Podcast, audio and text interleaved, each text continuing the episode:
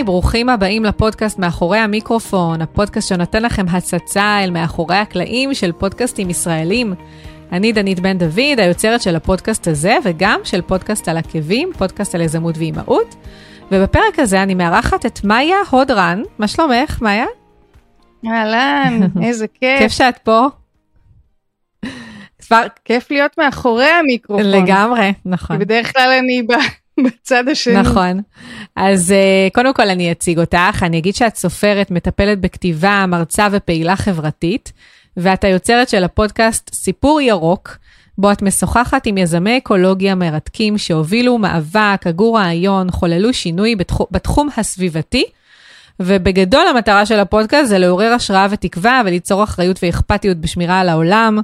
ואני אגיד שאני כבר האזנתי לכמה וכמה פרקים, וזה באמת פודקאסט, אני חושבת, עם אה, שליחות מאוד גדולה. פודקאסט באמת מדהים, שבאמת מקדם נושא, נושאים חשובים. ו... נכון. וזהו, ואני גם רוצה לפני שנתחיל ככה לעשות את זה, זה ככה אה, פרסום קצר לקורס האונליין המקיף המחודש. שממש השקתי בימים אלו. קודם כל אני אגיד שאנחנו מכירות, אה, זאת אומרת, את היית תלמידה בקורס אה, האונליין שלי, בקורס ה... ודאי, מה זה? כל מה שאני יודעת על פודקאסטים זה ממך. איזה כיף, איזה כיף. ועכשיו בדיוק ממש בימים האחרונים, ממש לפני איזה שבוע השקתי את הקורס המשודרג, שזה בעצם הקלטתי מחדש את כל, כל התכנים, גם מבחינת איכות הסאונד, גם מבחינת עוד עוד ידע שצברתי בשנתיים האחרונות, הכל הכל נמצא בקורס החדש. אה, אז אם זה מעניין מישהו מהמאזינים, מהצופים, אז אפשר להיכנס לאתר שלי, ל-audiobrain.co.il, או לחפש פשוט דנית בן דוד, אה, קורס פודקאסט בגוגל, וזה פשוט תגיעו לאתר, ויש לכם שם את כל המידע. זהו, אחרי ההקדמה הארוכה הזו, אני אתן לך להציג את עצמך וגם להגיד על זה משהו, כן. בשמחה, אני אשמח. טוב. דברי. אז קודם כל הצגת אותי, אז אני באמת סופרת, אני מטפלת בכתיבה ובסיפור, יש לי קליניקה למבוגרים ונוער בפרדס חנה, אני, וגם בזום, אני מנחה סדנאות כתיבה, מרצה על אה, מסע הגיבור, מלמדת ביבליותרפיה במכללת אורנים, עיתונאית, בלוגרית, וככה בשורה התחתונה אני מרגישה שמה שאני רוצה לעשות בחיים זה לקרב אנשים לטבעם, גם הטבע הפנימי וגם הטבע החיצוני. אה, ואני אגיד שבאמת הכרתי אותך דרך ככה הרעיון הזה שהיה לי איזה בוקר אחד בתוך סשן אה, נשימות. אה, חשבתי לעצמי מה אני הולכת לעשות עם העניין הסביבתי, הייתי כבר בהפגנות, ניתקתי קשרים עם אנשים שזה לא מעניין אותם, את יודעת, מלא דברים שעשיתי ככה בקטנה, אני גם, כל העיתונאות שלי התעסקה בזה, אבל היה בא לי לעשות משהו ככה יותר משמעותי, ופתאום באיזה סשן נשימות של ווים הוף, החלטתי, אה, פתאום זה עלה הרעיון הזה וזה היה נורא חדש, לא ידעתי עוד למה, לאן לפנות, מה לעשות עם זה, התחלתי להסתכל על פודקאסטים, אני יודעת שזה משהו שזה, אבל לא שמעתי עד אז פודקאסטים. Mm-hmm. העניין של איך לעשות פודקאסט. ואז הגעתי לסרטונים שלך, גם לפודקאסט הזה וגם אה, לעוד אה, סרטוני הדרכה ולייבים שאת עושה. וככה החיבור היה ממש, הרגשתי ככה שאת בן אדם ללמוד ממנו, וגם הקורס עצמו, לקחתי את הקורס, שהיה קורס אונליין, אני לא בן אדם אוטודידקט, אני תמיד צריכה אנשים שיסבירו לי בדיוק מה לעשות, ואני באמת בעניין הטכנולוגי, זה לא הקיק שלי, אבל uh, הרגשתי גם את הליווי שלך באופן נורא, um, ש, שלא רק מלמד אותי ומסביר לי טכנית איך לעשות את הדברים, גם היה כמה פעמים שפניתי אלייך בייאוש. וגם נתת לי איזה דחיפה מורלית, לא רק אה, טכנית. אז באמת הקורס הוא לאנשים כמוני שממש לא יודעים מה לעשות עם עצמם בכל הקשור לזה, הוא היה ממש צעד צעד, וגם זה שיכולתי לפנות אלייך בשאלות וזה, זה היה, היה לי ממש מעולה. איזה כיף, תודה רבה, כיף לשמוע, ולא ידעתי ש... ככה את אה, לא בן אדם אה, אוטודידקט וזה, זה ככה באמת לא יצא לי לשמוע וזה מעניין לא, אני, כי... כשאני הולכת לי, כשאני הולכת ללמוד, אני הולכת בדרך כלל ללמוד אצל אנשים, אני הולכת לקורסים שזה פנים מול פנים, אני צריכה לשאול שאלות, אני צריכה להבין בדיוק, אתה יודע, כן. כאילו... לא, אבל זה היה משהו ראשון מסוגו מדהים. לעשות. זה מעניין, כי. באמת אה, אנשים שאני, תמיד שאני שואלת, אנחנו קצת סוטות מהנושא, אבל תמיד שאני שואלת אנשים, אם אתם אה, יודעים ל- ל- ללמוד לבד, אז באמת הקורס הוא בול בשבילכם, כי זה באמת, בזמן, אתם עושים את זה בזמן שלכם, בקצב שלכם. ו... ווואלה, עכשיו אה, אני... פתחתי לך עוד שוק שלם. ש-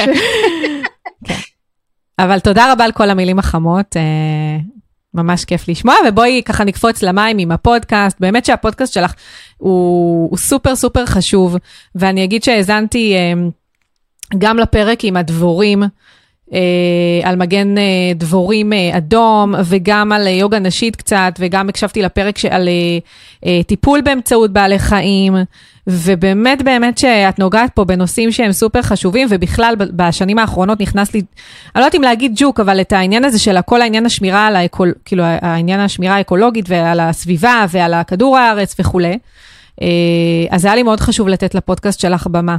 אז אני אשמח שתספרי, את עושה המון דברים, את גם מטפלת וגם אה, עוסקת בכתיבה וגם סופרת וגם מרצה, ולמה בעצם דווקא הלכת לכיוון הזה, זאת אומרת, מכל התחומים שאת עוסקת בהם, כי את בעצם מתפרנסת מכתיבה ומסדנאות כתיבה וכולי, למה דווקא בעצם פנית לכיוון הזה ואיך זה מתקשר לעיסוק שלך? האם בכלל יש לו לפודקאסט מטרה עסקית, או שזה באמת נטו אה, לתחושת אה, מימוש ורצון לעשות טוב? אז אני אגיד כמה דברים, שאלת כמה שאלות. דבר ראשון, אני מנתבת היום את כל היצירה שלי, בגלל שזה נושא שהוא הכי מעסיק אותי בעולם, כי אני מרגישה שהוא אקוטי, שחייבים לעשות עכשיו דברים. אי אפשר לחכות, כבר לא נשאר זמן. אז את כל היצירה שלי אני מנתבת לשם. עכשיו, זה יכול להיות דברים בקטנה, נגיד שבסדנאות של כתיבה שלי לא אוכלים ושותים בחד פעמי, או שבקורס ביבליותרפיה שלי יש שיעור שלם על הסיפור של העולם, או שהרצאות שאני עושה על הסיפור של העולם גם דרך הפודקאסט, ויש גם את העניינים המהותיים, אז אני, הכל, ה- אני כותבת למאקו, גרין, אז אני כותבת על אקולוגיה, כל הכתיבה העיתונאית שלי לאורך כל השנים הייתה על זה. מהמם.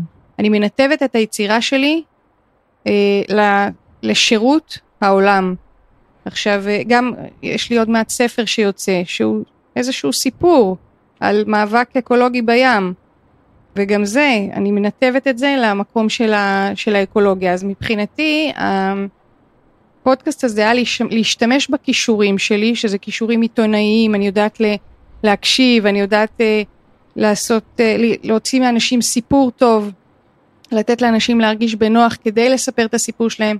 אני יודעת לערוך, אני, כל המיומנויות ש, שרכשתי כל השנים, אז אני משתמשת בהם בשביל הדבר הזה. Uh, להגיד שזה משהו עסקי, לא כל כך, כי אני לא מוכרת שום דבר דרך זה, uh, אבל בוא נגיד שיש אנשים שקוראים אותי שנים, עוקבים אחרי הכתיבה שלי במשך שנים, ומתוודעים אליה, וגם ככה מתוודעים אליי עוד אנשים לרעיונות שלי, וזאת דרך בשבילי עוד פלטפורמה להגיד את מה שחשוב לי להגיד. מדהים. יפה, ואני באמת, אה, משהו שהוא מאוד אה, בולט ככה, באמת בתכנים שיצא לי גם, לא, לא לכולם האזנתי, אבל גם אה, עברתי ככה וקצת קראתי את הבריף ואת הכותרות והכל, שבאמת אה, כשחושבים ככה על מאבקים אקולוגיים, אז יותר, אה, כאילו עולים, עולים לי כל מיני כאילו disasters כאלה, ו- ופה באמת אני, לפי מה שיצא לי ככה לפחות לשים לב, שאת באמת מתרכזת בלהביא את הדברים היותר חיוביים, היותר... הבאמת סופר מרגשים. דרך אגב, הפרק עם הטיפול בבעלי חיים, אני כאילו הייתי עם דמעות בעיניים מרוב התרגשות. מה זה, לבכות? זה היה, זה היה מאוד מאוד מרגש אה, על העניין של ההצלה של, ה, של הכלב, של ניל ושל... אה, אה, וואי, ברח לי השם של הכלבת סתומת זה. העין המדהימה, שמופיעה נכון. דרך אגב גם בסלפי, זה היה גאוני לדעתי להוסיף אותה נכון. לסלפי. אם כבר ניתן פה נכון. טיפ, אז, אז כאילו כש, כשעושים באמת סלפי עם המרואיינים, אז להוסיף פתאום את, ה, את הכלבה, כי גם מדברים עליה בסיפור, זה כאילו ישר משך לי את העין, זה אחד הפרקים שמשכו לי ממש את העין. היא הייתה גם בריאיון עצמו, נכון. זאת אומרת בהקלטה. נכון? היא הייתה איתנו. אז זאת באמת גל חכים אשר הנפלאה שעסקה בשיטה ההדדית, ואני אגיד כמה דברים. אז קודם כל, את יודעת שיש היום תחום שלם בתוך הפסיכולוגיה שמתעסק בפחד ובטראומה ודיכאון מהמשבר האקלימי. זה ממש תחום. אה. זאת- זה דבר חדש שקרה, יש מלא אנשים שמוטרדים מהדבר הזה עד אימה. אה, לא ידעתי. וזה היום, כן, וזה היום מסלול ש, ש, שיש בו התמחות, העניין הזה של איך, איך מתגברים על הדבר הזה. מהמם. זה נכנס לתוך הטיפול. עכשיו, אה, אני מאוד רציתי להביא באמת את ה, כל הנושאים שמעניינים אותי ממקום אחר. מהמם. ממקום של fun, ממקום שמספר סיפור טוב ומביא השראה. ואני יכולה להגיד לך שלמשל פניתי למישהי שרציתי שהיא תתראיין אצלי בפודקאסט, והיא אמרה לי, לא מתאים לי לדבר על אופטימיות ועל אה, זה, לא. וואו. אני חושבת שהמצב נורא, ואני לא מוכנה לשתף פעולה עם לטייח את זה, עם כל מיני זה. עכשיו, הבנתי אותה לגמרי, מי שמצוי בתוך התרבות כן. של המאבק האקלימי יודע שהוא מתחלק לאנשים מאוד אופטימיים שחושבים שעוד יש מה לעשות ושאנחנו צריכים ללכת בכיוון הזה ב... ויש אנשים שהם קיצוניים נורא והם אומרים שום משחקים חבר'ה צריך להפסיק את הכל ולהתעסק רק בזה. אז הבנתי אותה. אני אגיד עוד משהו שיש לי בת אה, שהיא בעצמה חובבת בעלי חיים וצמחונית על דעת עצמה וכן והיא בוא נגיד שאנחנו מדברים על זה הרבה בבית, יש להם אימא מכה בעניין, ו, וגם היא מביעה פחד מהדבר הזה, היא לא רוצה לשמוע את הדברים המבאסים, את הנתונים, את, היא לא רוצה לשמוע את זה. וכשאני חושבת על הפודקאסט למי להביא, אני הרבה פעמים רואה אותה בתור המאזינה האולטימטיבית שלי, מה היא הייתה רוצה לשמוע, מה היא הייתה מוכנה, מה היה מקרב אותה לנושא בלי להפחיד, ומתוך מקום להפך של משיכה.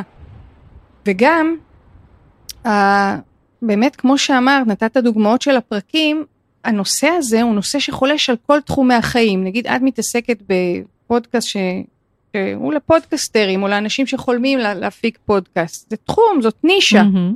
העניין האקלימי הוא לא נישה, הוא נוגע לכל תחומי החיים. זאת אומרת שאם אנחנו מדברים על יוסי הוד והדבורים, אז הפרק הוא לא היה על דבורים.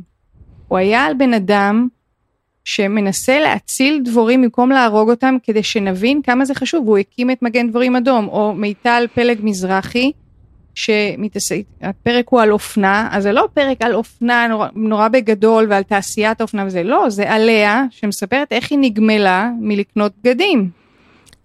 זאת אומרת, הנ- הנושאים חובקים את כל תחומי החיים ולכן גם יש לי חופש נורא נורא גדול בניגוד אני חושבת אלייך שאת שהאנשים שלך הם אנשים מסוימים שמתעסקים בזה אני יכולה לפנות להמון אנשים מהמון תחומים שבסוף זה ייגע שאלו אותי מה את מביאה על יוגה נשית.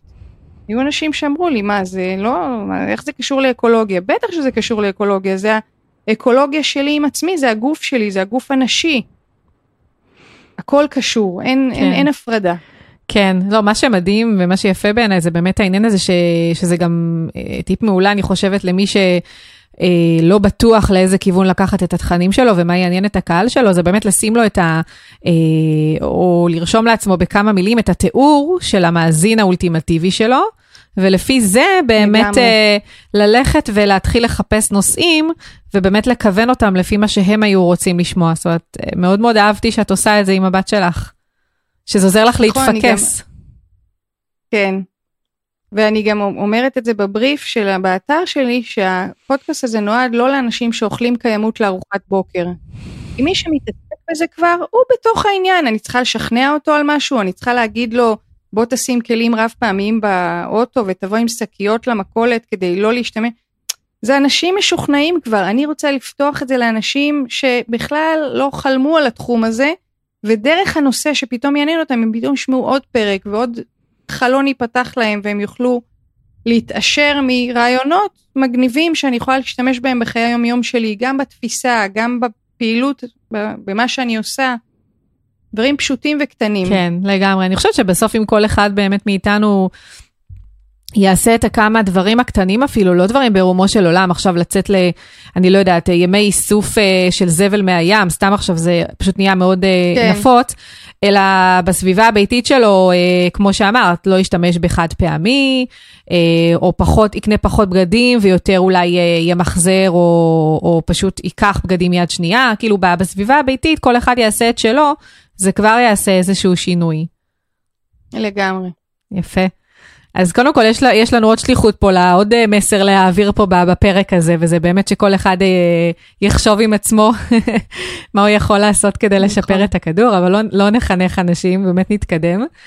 אה, קודם כל אני גם רוצה ככה להגיד שהטריילר שאת עשית, הטריילר לפודקאסט, הוא באמת אחד המקסימים ששמעתי. אפרופו, וואו, אפרופו זה שאת סופרת, ועוד ממי אני שומעת את זה? אפרופו באמת זה שאת סופרת ומרצה, זאת אומרת זה מאוד מאוד, אה, כשהקשבתי לטריילר, א', הקשבתי לו איזה עשר פעמים אני חושבת, כל כך התלהבתי ממנו, גם, גם המוזיקה שבחרת הייתה סופר מתאימה, ואני חושבת שגם באמת אה, השילוב של המילים שאת בחרת, המילים המדויקות, והתזמון, הזמן. של, של הטריילר, אם אני לא טועה, היה סביב ה-50 שניות. זה היה כאילו מושלם והצלחת ב-50 שניות לספר את, בדיוק את המהות של הפודקאסט. והרבה לקוחות שאני מלווה, וגם לא רק מלווה, כי יש לי גם תכנים באתר שמדברים על טריילר ופונים אליי לפעמים להתייעצות, אה, הרבה, נאבקים המון עם העניין הזה של מה להוסיף בטריילר, מה לכתוב. אה, אז אני מאוד אהבתי את זה, וקודם כל, אם יש לך משהו לא, ככה לתת איזשהו טיפ למי שכותב טריילר, למי שמייצר, טריילר לפודקאסט שלו, זה יהיה נהדר. תראי, אני חושבת שהעניין של תמצות, את יודעת שמגישים הגשות ל... אה, של תסריטים, סינופסיס, אה, בשביל לקבל כסף לפתח אותו, אומרים לך, תביאי את הסיפור שלך בשני משפטים. אם את לא יודעת לספר את הסיפור שלך בשני משפטים, סימן שהוא לא, את לא סגורה על עצמך. ויש אנשים שארבע שנים יושבים לכתוב את השני משפטים האלה, רק בשביל להבין על מה הסיפור. אז אני חושבת שהתמצות הוא נורא נורא חשוב.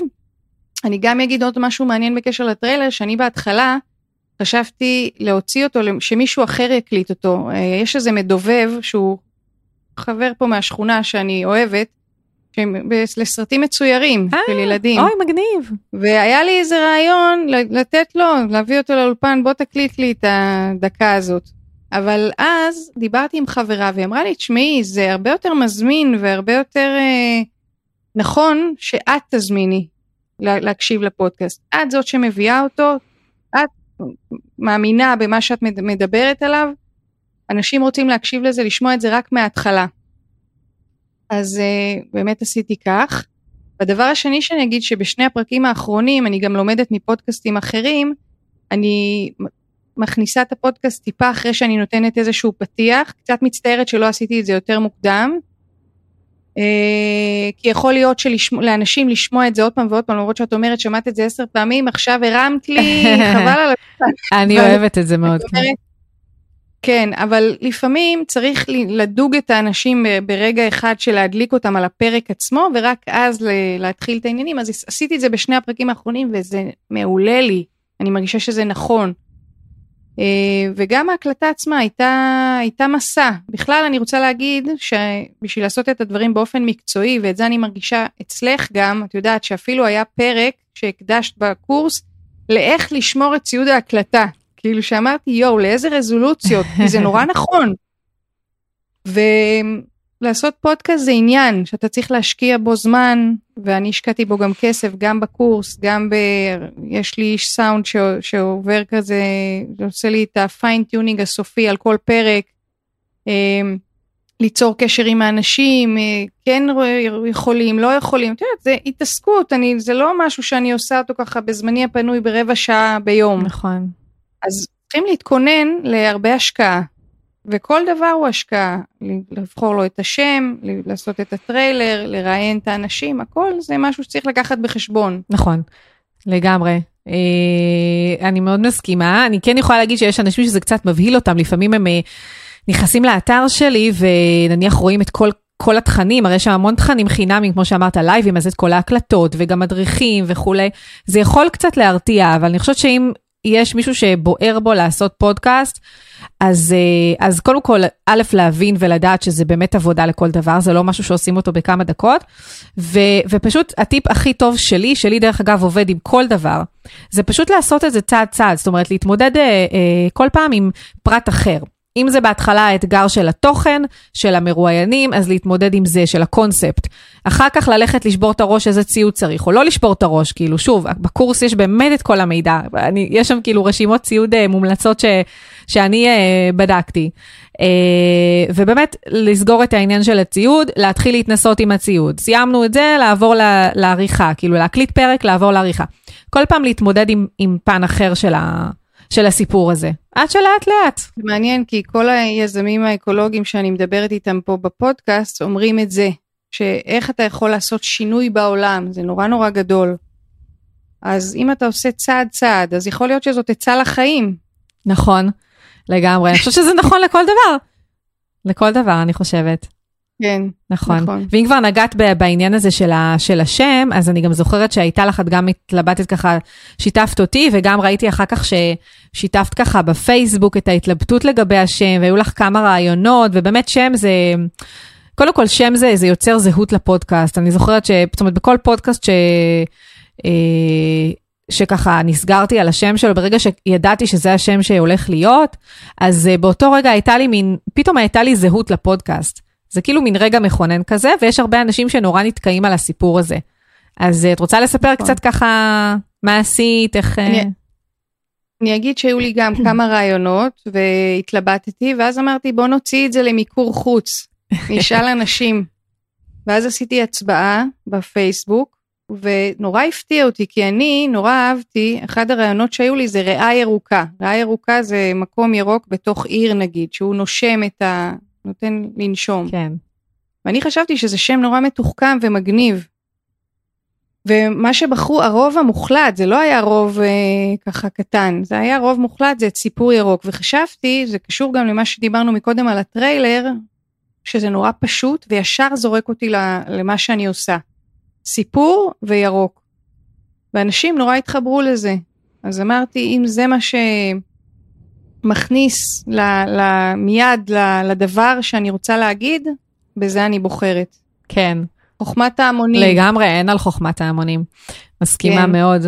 Uh, דרך אגב, אם חזרנו שנייה לעניין של באמת עם המרואיינים, אז את, uh, זאת אומרת, קפץ לי ככה לראש, רציתי לשאול אותך בהקשר של לבחור דווקא את הסיפורים האופטימיים. זה, הייתה לך מישהי שאמרה, אני שמעתי את הפודקאסט ואני לא רוצה אופטימיות, אני רוצה לדבר על מה ש... על, כאילו, דברים הג'יפה שקורים וזה. אני רוצה את האמת. אני רוצה את האמת, כן. בדיוק.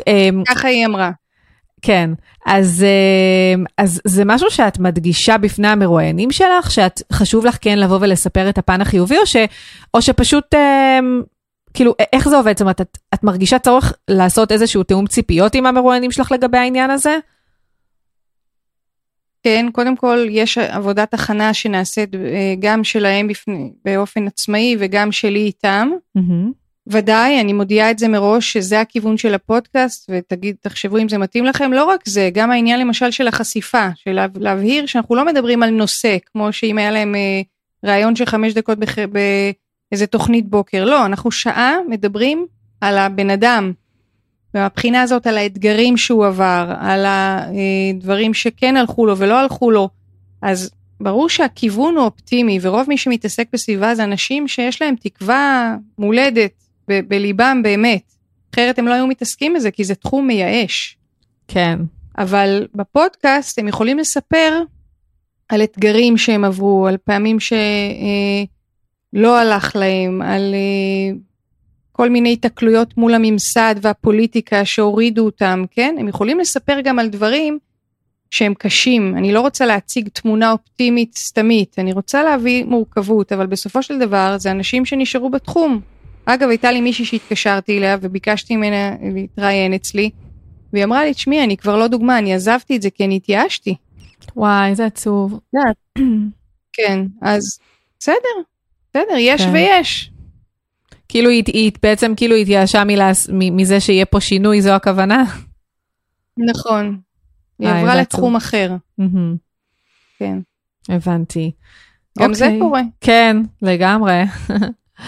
אה, אוקיי, אז בואי נדבר קצת על אה, באמת, אם נמשיך את הקו הזה של המרואיינים, אז באמת משהו מאוד בולט ששמתי לב, זה שיש לך איזון מטורף בין אה, מרואיינים גברים למרואיינות נשים.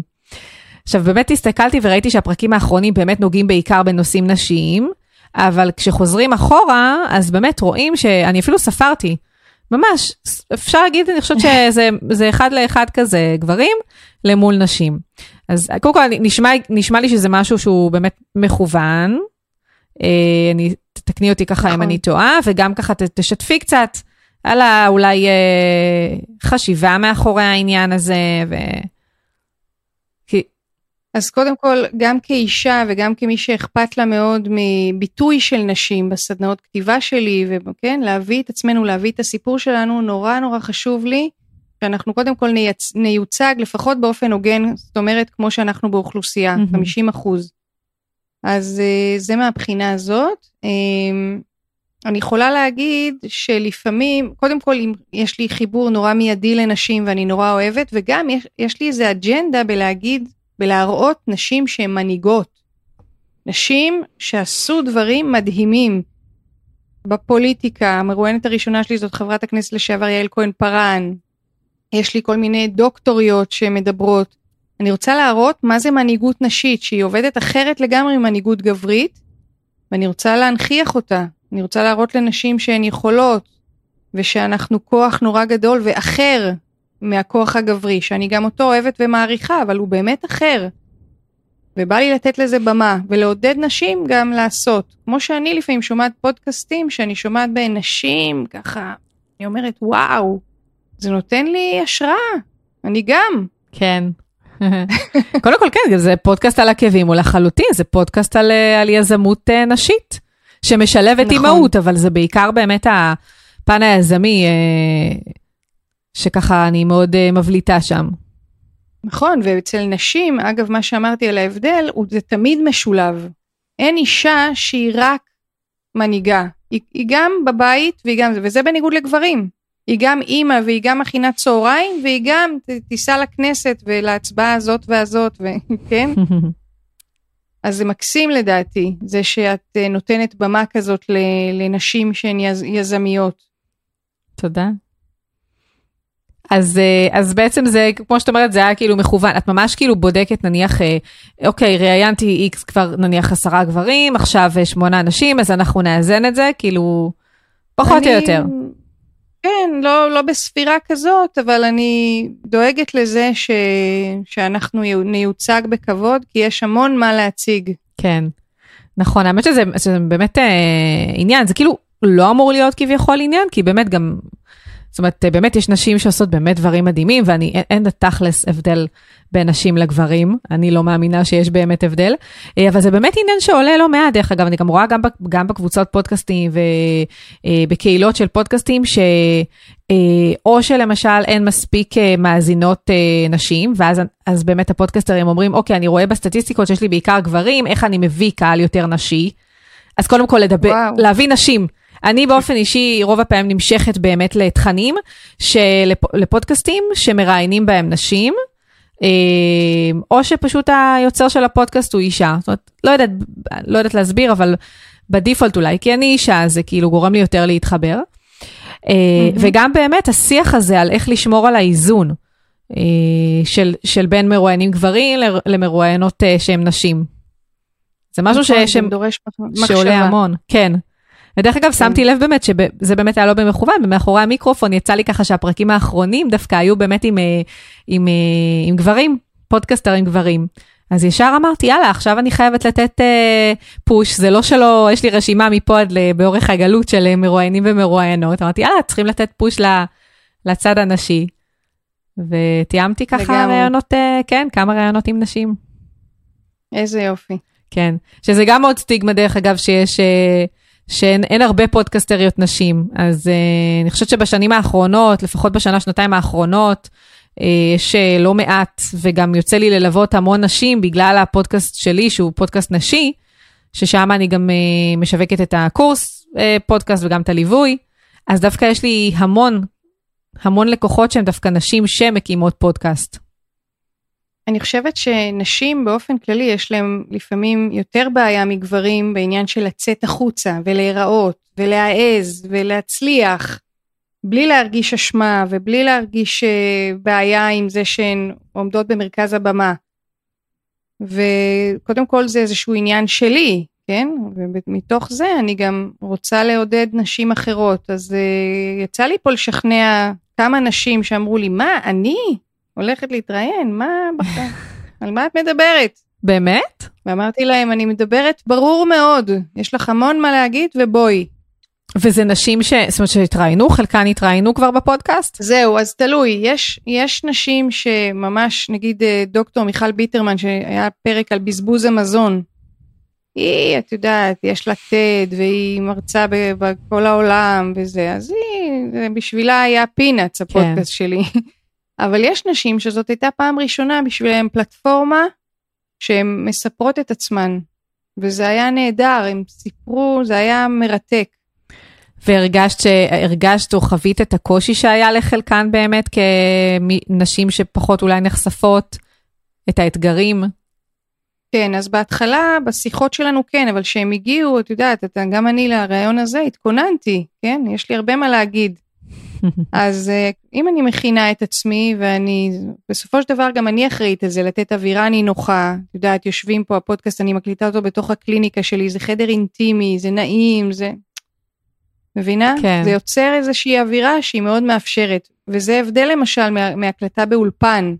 אחת האפשרויות נכון. גם ששאלתי את עצמי בהתחלה, כי הציעו לי אולי לבוא לרדיו החברתי, אה, כי לא היה שם פודקאסט על אקלים אז, וחשבתי על זה, האם זה נכון לשבת בתוך אולפן, מה זה מוציא, איזה אווירה זה נותן, והאם זה נכון לפודקאסט כמו שלי, והחלטתי שלא. מדהים.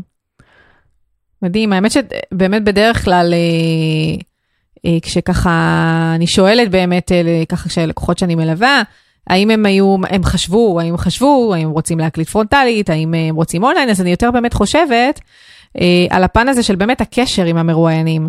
זאת אומרת, האם זה בכלל מתאים? כי בפודקאסט שהוא במיוחד שהוא אינטימי ומספר פה סיפור ונוגע בנקודות אה, רגישות, אז, ה, אז העניין של הקשר הפרונטלי הוא הרבה הרבה יותר חזק. נכון. ו, ובאולפן זה חוויה אחרת גם לגמרי. ממש, נכון. ממש חוויה אחרת. אז את כאילו מקליטה את הכל בעצם בקליניקה שלך. נכון.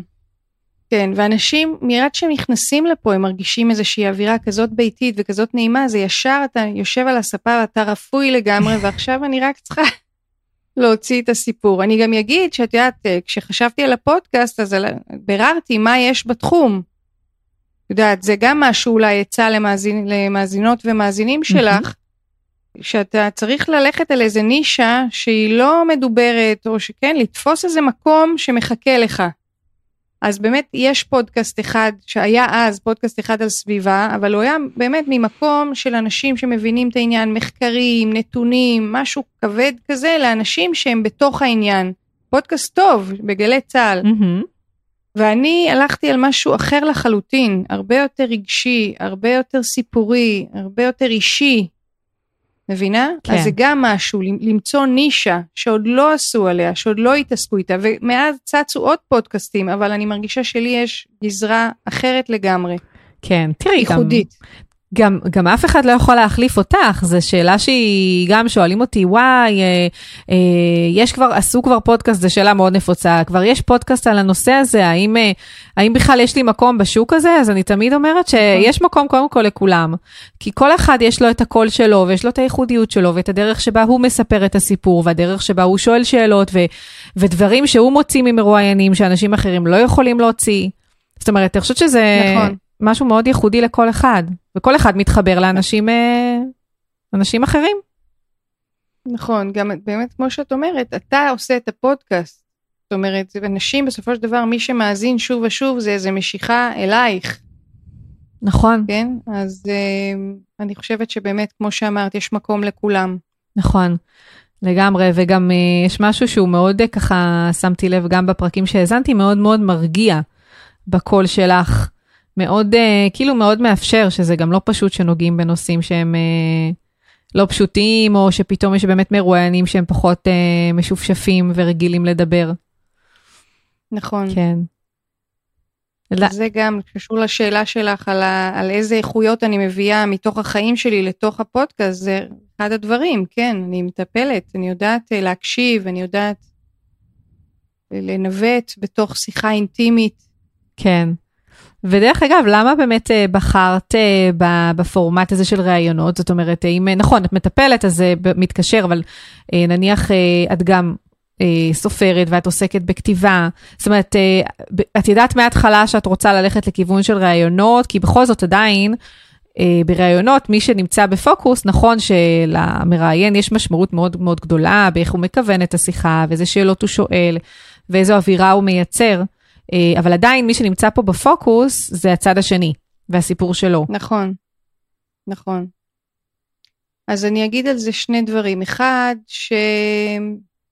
שאנשים, קודם כל רציתי להוציא איזה שם אחר לאנשי הסביבה. כי יש איזה מין אה, אולי סטיגמה או נטייה לחשוב שזה מחבקי עצים ואנשים מעופפים שזה, ואני מביאה לפודקאסט אנשים של עשייה מטורפת. שאנשים אנשים שגם עשו בשבילי ובשבילך, בלי שנגיד להם תודה ובלי שנמחא להם כפיים. אז קודם כל זה דבר אחד, רציתי להראות מה זה אנשי עשייה סביב, סביבתית, וגם אה, היה בא לי נורא, חשבתי לעצמי, איך אני אכיר אותם, אני אזמין אותם לקפה? לא בטוחה שהם יבואו, אבל לפודקאסט הם יבואו. לגמרי. אז, אז הזמנתי אותם לקפה עם פודקאסט.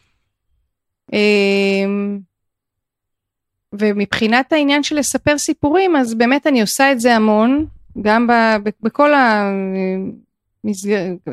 תחומי העבודה שלי, זה מה שאני עושה. ואני רציתי לתת במה למשהו שחשוב לי עם הכישורים שלי, אבל שהאנשים האלה יהיו בפוקוס. אני לא אגיד לך שאני לא, אה, יש לי איזה רעיון למשהו שהוא שלי, יש לי עכשיו איזה רעיון, אבל אני אומרת, פרה פרה, אם יהיו 25 שעות ביום אני אצליח, אבל כנראה ש... שזה לא יכול לקרות עכשיו. אבל יש לי איזה רעיון גם למשהו שהוא רק שלי. אני יכולה להגיד, גם, שוב, לאנשים שרוצים לעשות פודקאסט, שזה יותר קל לעשות משהו שהוא רק שלך. כי את יושבת עם עצמך ואת בונה את התכנים לבד ואת לא צריכה לתאם. נכון. ובאמת, אה, כן, זאת הרבה יותר עבודה ל- לראיין. אז מי שרוצה לעשות משהו שהוא יותר פשוט, נגיד, אז אחד החלטות שלי היה לדבר לבד. נכון. האמת שגם אה, אחד החששות זה באמת שהרבה אנשים הם, אה, את שוב, את אה, מטפלת, אז יש לך באמת ניסיון, ובאמת זה ניכר בפרקים שמאזינים, אבל למשל אני ועוד הרבה אנשים לא הגיעו מהתחום של לראיין, זאת אומרת מהתקשורת, לא למדו איך לראיין, וזה באמת משהו שהוא מאוד מרתיע. לי לקח חודשים טובים בכלל לתאם ראיון ראשון. ו... כן. וזה מאוד קשה לעבור, ואני זוכרת, הפרקים הראשונים הייתי בסטרס מטורף, זה היה לפני ארבע שנים, זה היה לפני המון זמן, אבל uh, זה לא פשוט. זאת אומרת, כן, זה פשוט גם, נכון. uh, גם, גם מהבחינה המנטלית, זה הרבה יותר פשוט להקליט לבד. אבל אני חושבת שזה יותר מספק. וכמו שאמרת, uh, הסיבה שהקמתי את פודקאסט על עקבים, זה בדיוק אותה סיבה. רציתי לדבר עם נשים יזמיות, עם אימהות, ואמר, והרגשתי שזה יהיה מוזר מדי להזמין אותן לקפה, כי אין, לי, אין להן מושג מי אני. אז זה בדיוק מאותה סיבה, אה, גם אני הלכתי על הפורמט הזה.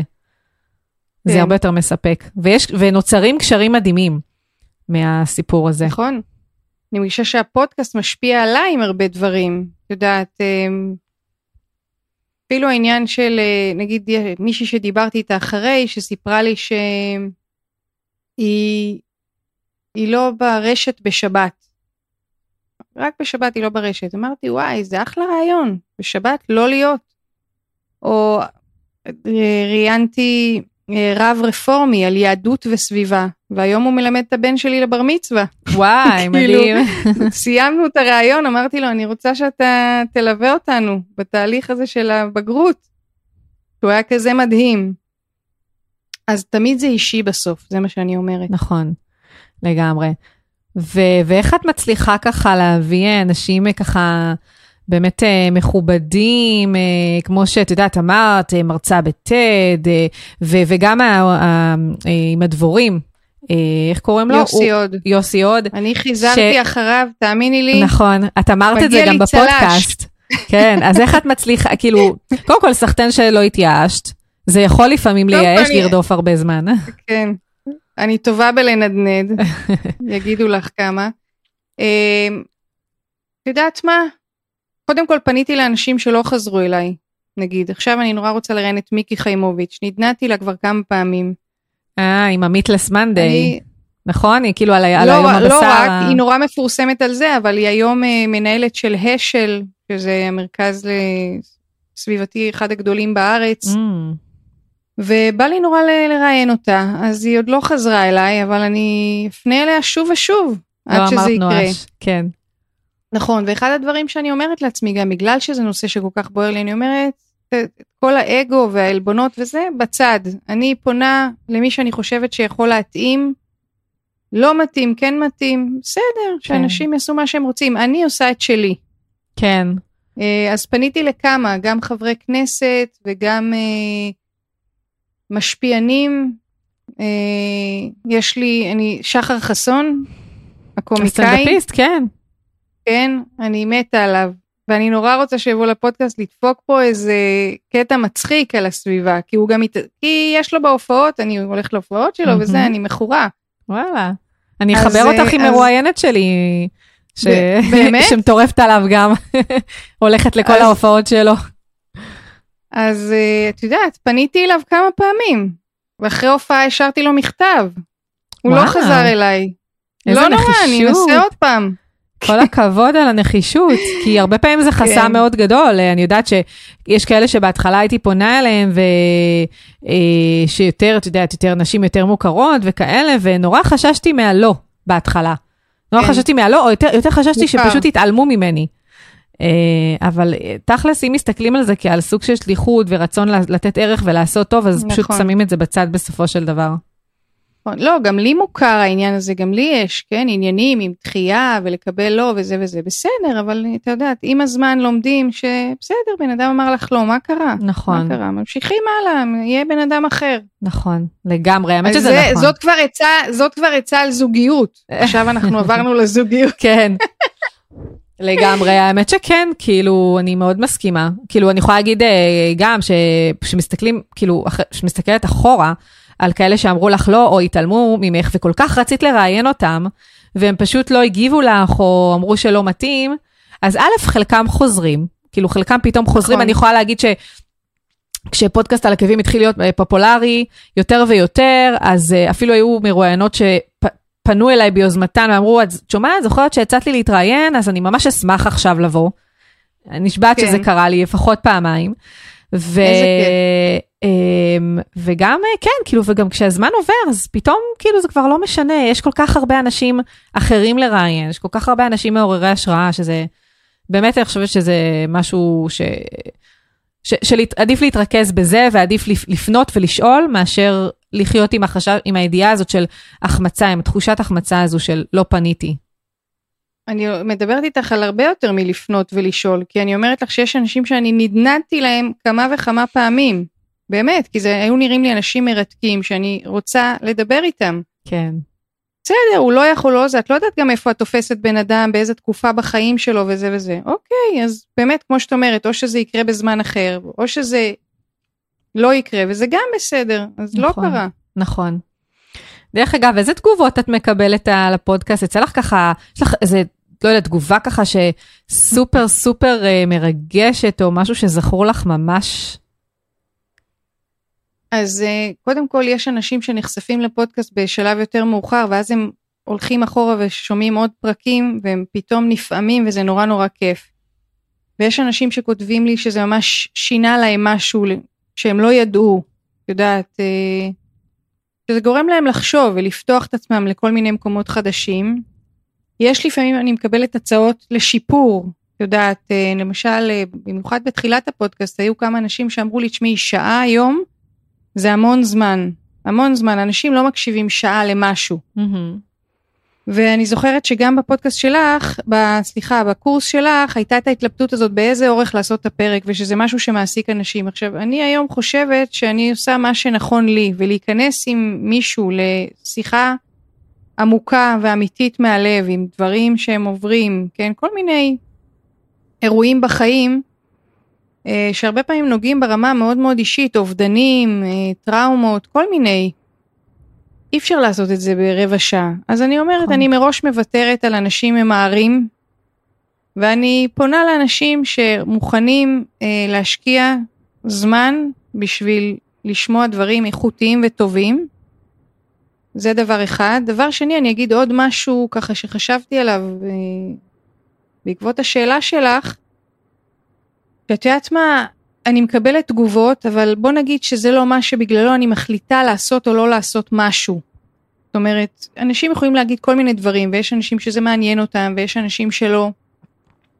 אני חושבת על היזמים ש, שנמצאים פה, את יודעת, יש, שראיינתי, אנשים שעוסקים בתחום הסביבתי כבר 20 שנה, שעוד זה היה מדבר, שזה אף אחד לא עניין אותו, לא כמו היום, שזה נהיה עניין, שכל הממשלות מתעסקות בזה, ואנחנו יודעים כל מיני מושגים, אה, תביעה פחמנית, משבר האקלים וזה.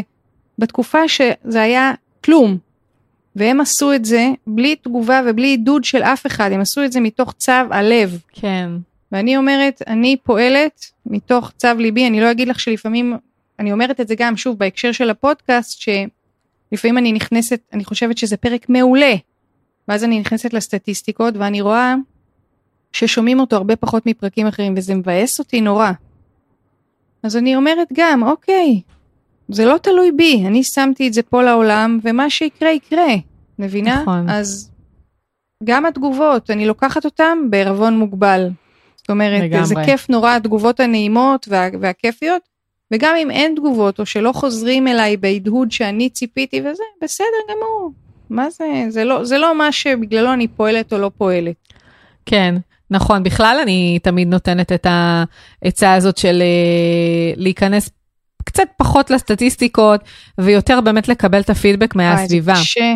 זה מאוד קשה. קשה זה. אני, בהתחלה הייתי נכנסת המון.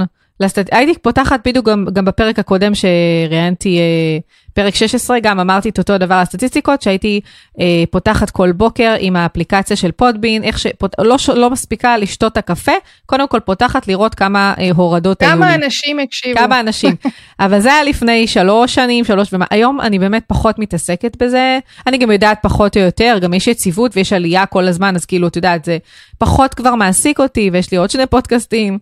אה, וגם אני חושבת שזה באמת בסוף מוריד, במיוחד כשאת נמצאת בהתחלה, זה קצת יכול להוריד. אני, אני נכון. יותר ניזונה באמת מהפידבקים, כשאני מדברת עם, עם מישהו והוא אומר לי שהוא uh, מאזין קבוע שלי, בדיוק, בדיוק לפני הראיון שלנו, מישהו שלח לי מייל שהוא מאזין קבוע, uh, הדוק של התכנים שלי. Uh, ו- כאילו, אז אני, אני ניזונה מהדברים האלה, וזה כל הזמן. פתאום יכולה להיות תקופה של איזה כמה פניות בפרטי, ש, שעושות לי פשוט... Uh, כיף, אז אני פחות צריכה את הסטטיסטיקות, יש לי את, ה... יש לי את זה, כאילו זה והמטרות ש... כן. שעומדות לי לנגד העיניים, שזה מה שהכי חשוב, נכון. כן. וגם לגבי האורך אני אגיד שאני באותה דעה כמוך, אני חושבת שלהיכנס לשיחה אישית עם מישהו על נושאים אינטימיים, זה לוקח זמן, ויש איזשהו שלב בשיחה גם, שאת, כאילו, אני, אצלי לפחות זה תמיד קורה, שפתאום את מרגישה, או, oh, הנה, עכשיו נכנסנו ל... לעניינים, עכשיו זה כבר מרגיש נינוח יותר, וזה לוקח זמן להגיע לשם. נכון. ויש אנשים שהם מטבעם יותר מסוגרים ויותר לחוצים, וזה יותר קשה להוביל אותם לשם. נכון. אה, אז אני, אני ממש מסכימה, ודרך אגב, בפרק עם ערן אה, שטרן, שאני חושבת שזה היה פרק 15, כן? הוא בדיוק דיבר על העניין הזה, כי אצלו הפרקים הם סביב השעתיים. וואו. וכן, ממש ארוכים. והוא אמר בדיוק את, את אותו הדבר, זאת אומרת, לא, האורך זה לא, זה לא מעניין, זה לא... ובאמת פודקאסט מרתק. אז בסדר, אז לא כל, כל אחד לוקח מה, ש, מה שמתאים לו. נכון. נכון. לגמרי. יפה, אז uh, קודם כל אנחנו כבר מדברות uh, איזה 45 דקות. אני חושבת שבאמת הקפנו... כך אה, יצא פתאום, התגלגלנו לנו. לגמרי, הזמן עובר מהר כשנהנים. ולפני שככה אני אתן לך עוד את, את ככה את הבמה, אה, לשאול אם יש עוד משהו נוסף שאת רוצה ככה להציב ולהעלות.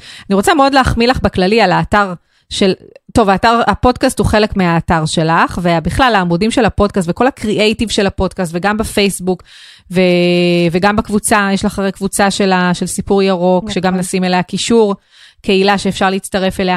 אז כל הקריאייטיב מאוד מאוד, אה, קודם כל בקו אחד כזה, הכל... מבחינת הצבעים ומבחינת הפונטים ומבחינת העיצוב והכל, מאוד מאוד יפה ומאוד מאוד אה, מזמין ועושה חשק להיכנס. איזה כיף. ודרך אגב, זה את מעצבת את הכל לבד או שיש לך מישהו שמעצב? חלילה, נראה לך שאני מעצבת. את יודעת, זה גם לדעת במה אני טובה ובמה לא. בזה אני לא טובה ולכן אני אה, נעזרת בגלי גונן המעצבת שהיא גם של הפודקאסט, של הלוגו של הפודקאסט, שאני באתי עם הרעיון שלו, של, של העולם, כן. כדור הארץ על מיקרופון. אמ, אבל היא זאת שהביאה את הרעיון לידי מימוש וכל האתר שלי והכל כל הקווים שם הצבעים זה הכל שלה.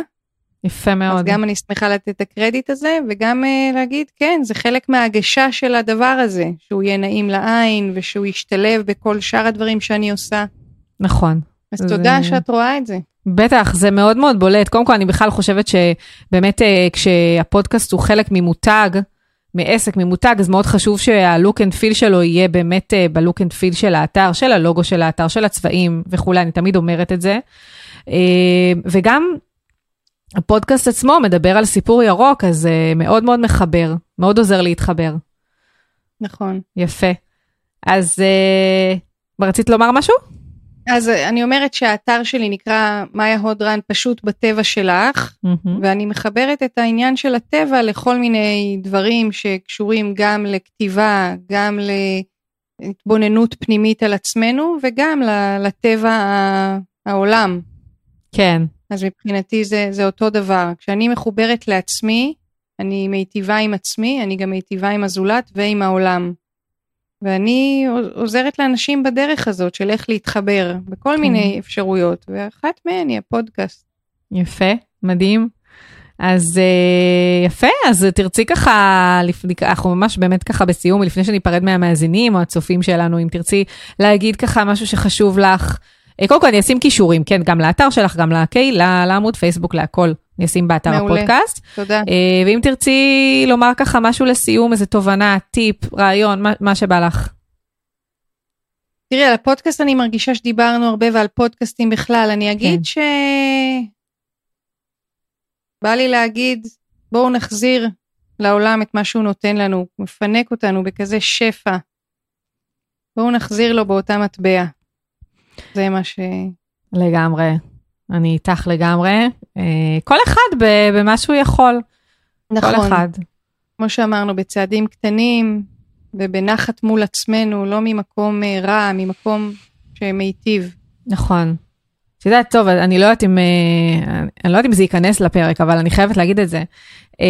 שנתקלתי איזה מישהי שעשו עליה כתבה, והיא אמרה שאת הילד הראשון שלה, אז היא, אני לא אציין שמות, אני זוכרת את השם, יודעת מי זו, של הילד הראשון שלה, אה, היא לקחה, אה, כאילו, היא קיבלה בגדים, יד שנייה, והתחילו לקטול אותה בתגובות. מה, זה ילד ראשון? מה יד שנייה? את לא יכולה לקנות לילד שלך חדש? ומה זה תגובות כאילו לא ענייניות? וואו. וכאילו, ואני, כאחת שבאמת, אה, 99% אה, מהבגדים של הבן שלי זה בגדים שחברות העבירו לי, וכאילו, ואני הכי גאה בזה בעולם, אני כאילו הסתכלתי על התגובות, ואמרתי, בואנה, מה עובר עליכם? מה אכפת לכם? מאיפה הבגדים? הילד, הילד בסדר, הילד בטוח, אה, הילד אה, דואגים לו, אז מה זה משנה אם הוא לובש בגד חדש, שלא יודעת, כאילו, עכשיו הגיע מהמפעל בסין, או הוא לובש בגד ש... שהיה עכשיו אצל ילד אחר שנהנה ממנו והשתמש בו, ועכשיו הילד שלה נהנה ממנו, כאילו, מה זה באמת לגמרי, משנה? לגמרי, לגמרי. כן. סתם ככה משהו שעלה לי בראש. כן. אז כל אחד שבאמת יעשה את השינוי שנכון לו לעשות. תודה רבה, מאיה, היה לי ממש ממש כיף לארח אותך. גם ואנחנו... תודה לך. בכיף, את כל ה... באמת את כל השיחות שלנו עשינו בעיקר בהתכתבויות במייל. אה, וזה ממש כיף ככה עוד פעם להיפגש פתאום, אה, סוג של סגירת מעגל, פתאום לראיין, ממש. לראיין אותך אחרי שליוויתי אותך ככה בכל התהליך, אז זה ממש כיף. נכון, ו... אני חושבת שאני מרואיינת אצל המורה שלי, זה כאילו אין יותר כבוד מזה. איזה כיף. אז, אה, אז ניפרד גם מהמאזינים, slash צופים, נגיד לכם תודה שהייתם איתנו בעוד פרק של מאחורי המיקרופון. אם אהבתם את הפרק, אז אל תשכחו לשתף אותו עם אנשים שהוא יכול לתרום להם. ו... ולהירשם לעדכונים על פרקים חדשים. נתראה בפרק הבא. ביי ביי. ביי, תודה רבה. ביי ביי.